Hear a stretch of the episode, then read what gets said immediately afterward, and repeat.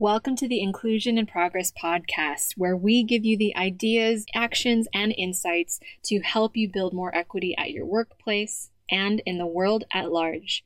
I'm your host, Kay Fabella, international expert on diversity, equity, and inclusion, a Filipino American living in Spain, and your guide in navigating this DEI journey. Having worked with teams at companies such as Philips, the IMF, Red Hat, PepsiCo, and more, I know firsthand that the work of inclusion only works when everyone has a seat at the table. Regardless of your personal entry point into this conversation, your race, ethnicity, gender, ability, age, sexual orientation, country of origin, or educational background, we all have a role to play in creating inclusion for all. And it starts with us having conversations we need to create the change we wish to see. So let's dive into today's episode.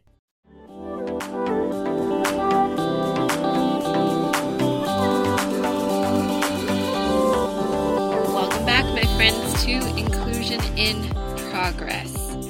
Now, I was told this by my husband, but he says that you can hear a little bit of Zen in my voice. and it's because Javi and I have just gotten back from our week long vacation in the north of my adopted country of Spain, where we went to celebrate my birthday on July 27th. Now, as a tourist, I know the greatest hits of Spain are the ones that get all the love when you land here. So, places like Barcelona, Seville, Mallorca, and Ibiza. And don't get me wrong, those destinations are beautiful. If it's your first time visiting Spain, you really don't want to miss out on what those truly stunning places have to offer. But for an introvert like me, they're also loud, hot, crowded, and given that it was also our first time traveling about the country in these COVID 19 pandemic times, Javi and I were both understandably anxious about how responsible other travelers would be about social distancing and wearing masks. And we also wanted to be as responsible as we could be too. So we decided to head to the north, specifically a rural area of the Picos de Europa, a mountain range that borders the Asturias and Cantabria regions. Not to mention, both Javi and I have done stretches of the Camino de Santiago, or St. James Way, a famous road that devoted pilgrims have been walking across the north of Spain for centuries, ending in the city of Santiago de Compostela. So, both Javi and I have a soft spot for this region. Plus, with how hot Madrid gets, well into the 40s in Celsius and in the high hundreds in Fahrenheit, we were looking forward to some much cooler temperatures. Now, in addition to our hikes and our overindulgence in Spanish cider and seafood, Javi and I also saw our vacation as a much needed digital detox. I mean, we've both been working from home together, side by side, since March, bouncing from what felt like screen to screen, and it it seemed like heaven to barely look at our phones for a few days, to just tune out the news and the noise of the world, to journal or get some yoga in before we went for a hike, to even on a personal level, just zoom out and tap into my own reflections of what the last few months and this last year on earth has meant to me. So, for those of you who wished me a happy birthday on LinkedIn, by email, or otherwise, consider this a belated thank you from me to you. Even though I didn't answer you in the moment, I truly appreciated your kind wishes, especially those who took time to write messages to the effect of, I just want to say I'm very grateful that we got connected this year, Kay. You've been such a light and inspiration to me. Thank you, thank you, thank you, and happy birthday. Now, just knowing that those of you who are listening are finding some value and encouragement in this content that we share here on the podcast and on LinkedIn keeps us going. And if you haven't already added me on LinkedIn, please go ahead and do so. I share weekly insights and reflections on diversity, equity, and inclusion that I just don't always cover here on the podcast. So look me up at K Fabella. That's F as in Frank, A as in Apple, B as in boy, E double L A. And be sure to let me know in your request message that you found me through the Inclusion in Progress podcast. I'm pretty active on that social platform, and I'd love to say hi to you over there too. Again, you can add me on LinkedIn on either our professional page or my personal profile at K Fabella. Bonus points if you let me know how you found me through this podcast. Now that I'm back in Madrid, I'm eager to get started on the corporate client projects we've committed to for the rest of Q3 and 2020. And since the bulk of our work these days is helping organizations turn DEI from idea to implementation, I thought I'd dedicate today's episode to helping you start and strategize what sustaining DEI would look like in your company in the next three to five years. Because despite the initial boom in June, as we saw companies scramble to quote unquote get their act together, when Black Lives Matter and the anti racism movement spread across the globe, there is still a wide gap between organizations engaging in diversity, equity, and inclusion or DEI work and those that are actually valuing it. Now, don't get me wrong, I've had the immense privilege of working with US and European based tech companies the past few weeks, alongside inclusion minded leaders at all levels who are all genuinely eager to roll up their sleeves and put in the work for the long haul. It's truly inspiring.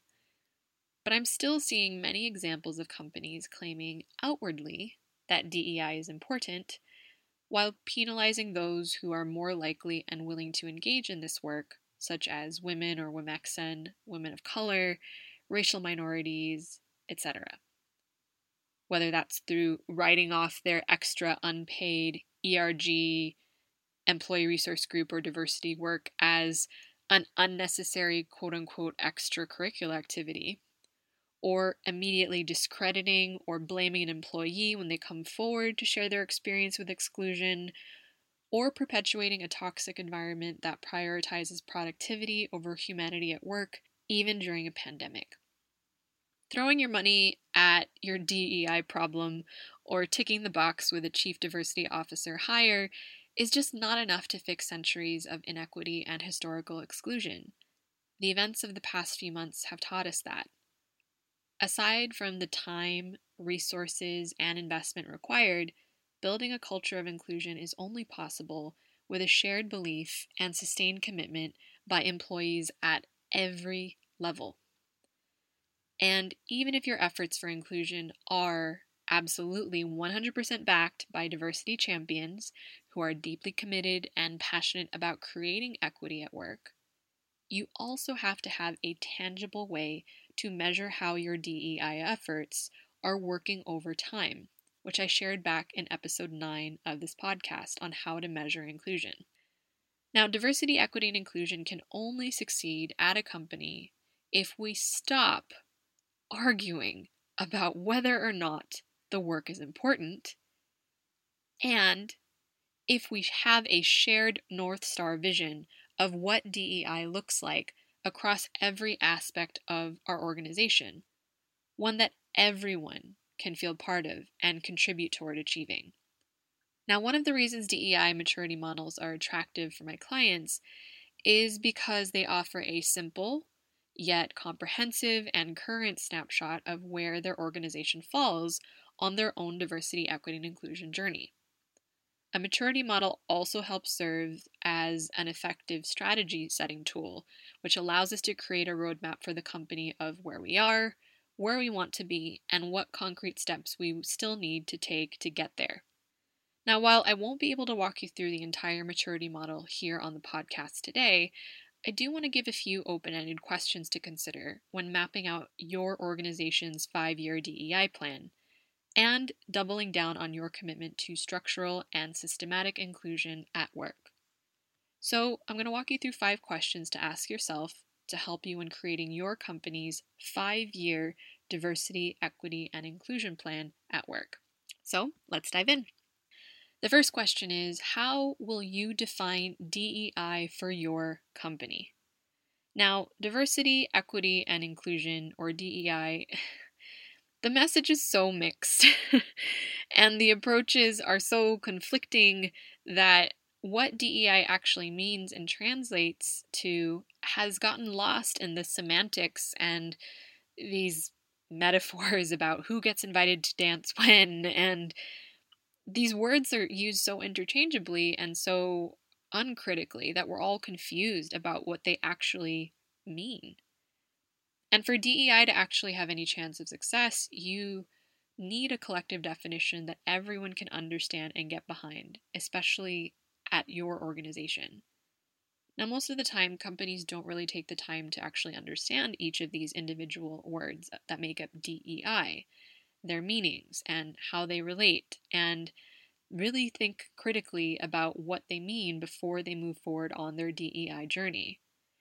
And I really believe that more organizations can actually accelerate their progress on inclusion if we build a common language and understanding for the critical conversations we need for DEI to actually work.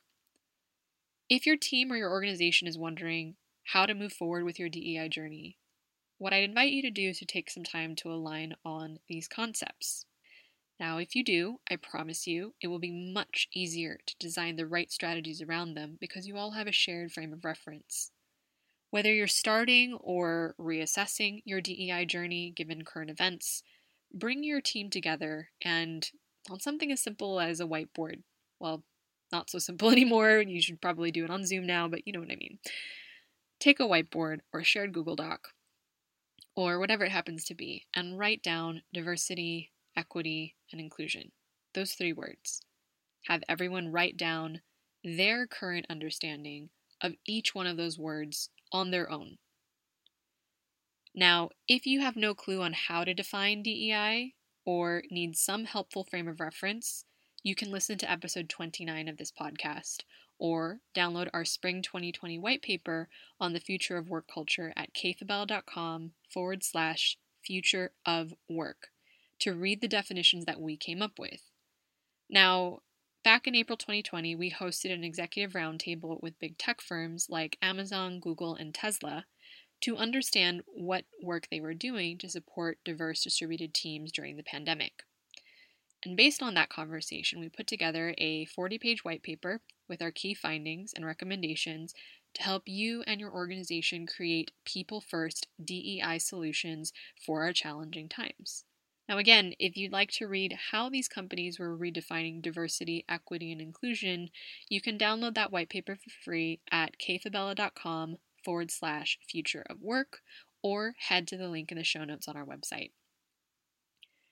Now, once you've invited everyone present to share their individual definitions of DEI, it's then important to compile all of those ideas and determine what you, as a team, mean by each word as well as how they all relate to one another at your organization. And then determine what order makes sense for your company. Maybe the focus should be on equity before diversity, or after. Maybe it's DEI, EDI, DIE, or throwing in another word that resonates more with your team, such as belonging, or some kind of shared motto like people first. There really is no wrong way to do this. The important thing is to remember how to develop a working definition for each of those words that you choose and write a summary of how the words relate to each other at your company. With a shared understanding of DEI, or whatever you choose to work with, no judgment here, you'll be better equipped to start to design your unique strategy for the next five years. Now, each of these words, diversity, equity, and inclusion, for the sake of this example, will be an active description that will mark and frame your DEI journey. And like most things in life, these definitions are going to have a validity for a particular moment in time and will eventually need updates or upgrades. And like all things, it's really important for your team or whoever's tasked with leading DEI in your company to regularly revisit, reevaluate, and revamp as you need to along your journey. The second question to ask yourself is how can you make your DEI goals actionable and measurable? Now, this question is especially important in getting your key stakeholders, such as your CEO and other C suite leaders, on board if they aren't already. Why? Well, a common defense against doing DEI work is that it's too abstract or not practical, which you've probably heard before. And when it comes to things like race, for example, we often hear things like the colorblind defense, or we refer people to, oh, but we've done that one off unconscious bias training, so we're good now. We fixed racism at work. Side note, you could probably hear that eye roll in my voice when I said that, right? yeah, Zen Kay has definitely left the building for that one. so that's why when you're building a business case for more inclusion at work, you really need to make sure that your organization's DEI goals are actually concrete and measurable. And that also means that the DEI work that people are expected to do at your company should be actionable and reasonably achievable for everyone. Now, when it comes to building the case for, say, anti racism work, for example, you could provide evidence from a multitude of studies on the costs of enforcing a racial color blindness approach at work. You can talk about the changing demographics of customers and how much more diverse they'll be, and how access to not just future talent but also a, a future client base will be compromised if you don't prioritize uh, anti racism at work. All of these are measurable initiatives to help your key stakeholders embrace a DEI change agenda that's actually focused on improving, in this instance, racial equity and inclusion. Now, when I work with clients to measure inclusion over, say, a five year DEI strategy, we look at two types of inclusion specifically behavioral and structural. Now, behavioral, as in, how are we measuring individuals' ability to recognize and overcome their own biases in favor of more inclusive behaviors at work? and structural, as in how we're actually making the systems and processes at work more equitable and transparent to mitigate or prevent bias from happening in the first place. Then we map out the appropriate trainings that support the organization achieving behavioral change and the specific interventions that will test, tweak, and tailor to make the structures more conducive to inclusion at work. Now, the third question to ask is how will DEI be led and who is accountable for its success? So, another metaphor I use with clients in seeing DEI is thinking of it as a lens and not a one off initiative. Now, what I mean by that is diversity, equity, and inclusion work cannot live in isolation. It can't be siloed off to a lone CDO or Chief Diversity Officer or an already hugely overworked HR department. Seriously, if you're listening to this from the HR people team, you are a hero. Instead, the key to building a five year DEI strategy is to look at every department and ask since inclusion does not happen on its own, how can we design for it to exist and thrive? Now, how that's going to look like will be very different from organization to organization. But you can look at your different departments, like for example, sales or R&D or marketing or legal or procurement or recruitment and commit to redesigning your systems and processes to be more inclusive. Now, since each department is going to define the practical application of DEI in a different way, it's going to mean that each department will be assigned a key stakeholder and each key stakeholder will be held accountable for meeting their specific target or objective that is going to align with the global DEI strategy of your company. That way, you can assign different specific dimensions to different departments, hold them responsible for measuring and reporting their own DEI benchmarks, and ensure a higher likelihood of success for DEI at your company. Now, the fourth question to ask is how can you make room for adequate DEI resources to support you in reaching your goals?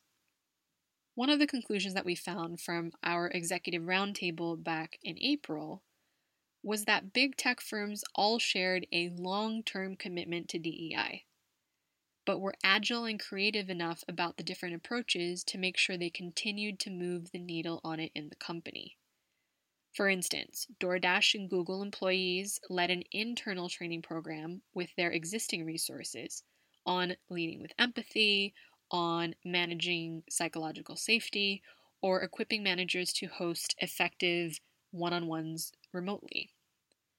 GitHub, on the other hand, hired an external consultant to deliver a virtual training on the pandemic's psychological impact, which was then eventually shared and made available for employees throughout the company. Now, the message was clear diversity, equity, and inclusion was the ultimate goal. But how each company got there was completely up to them. Whether that was relying solely on internal structures, or hiring outside experts, or a blend of both, the priority was on continuing to make resources available to keep moving DEI forward as a core focus at these companies.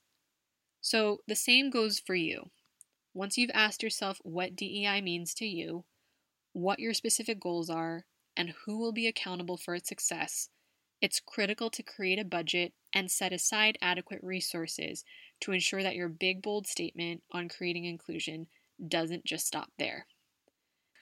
Now, as my peer and colleague and prolific DEI expert and writer Lily Zheng writes in the Harvard Business Review, quote, be creative about finding the right people to help you tackle the specific challenges you identify.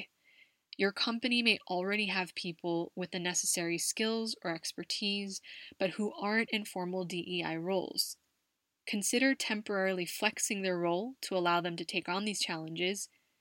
And if you choose to work with an external firm, try to find a group that offers flexible, context dependent services or consider bringing in a mix of smaller firms and specialists to work on problems in parallel. This will require coordination, but will ensure you're addressing the problems your company faces, not the ones other companies face. End quote. I'm going to put a link to that article as well in the show notes because it is truly amazing, and I highly suggest you also look into Lily's work. It continues to inspire me and make me a better practitioner in the process. Now, the fifth and final question that I'd ask you to consider is how will DEI go from reactive to proactive at your organization over the next five years? Now, I jokingly say that DEI is often associated with another D doom and gloom. Okay, not really, but you kind of understand what I mean, right? It's like almost every time we hear about DEI is when the latest PR crisis hits or when someone is rushing out a statement in response to allegations about discrimination at work. But I promise you, I promise you, that's really not all there is. Firefighting, or being reactive, is much more costly than fireproofing or being proactive about diversity, equity, and inclusion. The latter is far more sustainable. And in my experience working with some amazing companies and inclusion minded professionals, more folks are actually committed to doing the fireproofing, even if their work is not always visible or as in your face. So, yes, creating true inclusion on a structural and behavioral level will take time at your company, especially if you're looking at a five year plan. You'll get it wrong way more times than you'll get it right because organizations are complicated and people are challenging, and no one will be on the same page all the time. But once you get past the reactive phase, if you keep your head down, there will come a time that your culture will look like the welcoming place for talent of all ages, backgrounds, and creeds that you originally imagined. So allow yourself to imagine what that blue sky future actually looks like and use that motivation to keep you, your team, and your stakeholders all going to keep working and doubling down in pursuit of that vision. So there you have it. The five key questions to ask yourself if you want to build a five year DEI plan at your company. Number one, how will you define DEI for your company and what will those words actually be? Number two, how can you make your DEI goals actionable and measurable? Number three, how will DEI be led at your company and who is accountable for ensuring its success? Number four, how can you make room for DEI resources to support you in reaching the goals you've established? And number five, how will DEI go from reactive to proactive at your organization over the next five years? And thinking about establishing what that vision is of what you're working towards to keep you going when things get hard. Our work in DEI, or diversity, equity, inclusion, and belonging, is needed more than ever. With COVID 19, the global anti racism movement, and the uncertainty of our economic situation, we are all realizing that what got us here definitely won't get us where we want to be moving forward. It's my sincere hope that these questions from today and all the resources we provide on this podcast will help guide you, no matter where you are in your organization or on your own DEI journey, to lead these conversations at work. And of course, as always, if you need more support, I design end to end DEI solutions that are 100% bespoke to companies to help you go from idea to implementation whether that's a one off DEI vision planning or strategy call with your key stakeholders, a specific lunch and learn series on remote team management, anti racism, or intersectional allyship, or mapping and implementing a five year DEI strategy that positions your organization for long term success. I will say that our calendar is filling up quickly for the rest of 2020 to meet the growing demand for these types of sustainable DEI solutions. So, to learn more about specific ways I can help you lead these conversations with intention and integrity, get in touch at the link in the show notes or go to kfabella.com. And on our free call, I can discuss a virtual solution tailored to you, your team, and your company's needs. Until then, be well and if you ever need anything, feel free to reach out to me directly at info at kfabella.com. I really do make an effort to read each and every email that comes into my inbox, and I'm here to be a resource for you right now. Thanks so much for tuning in, and I'll see you back here next week for another episode of Inclusion in Progress.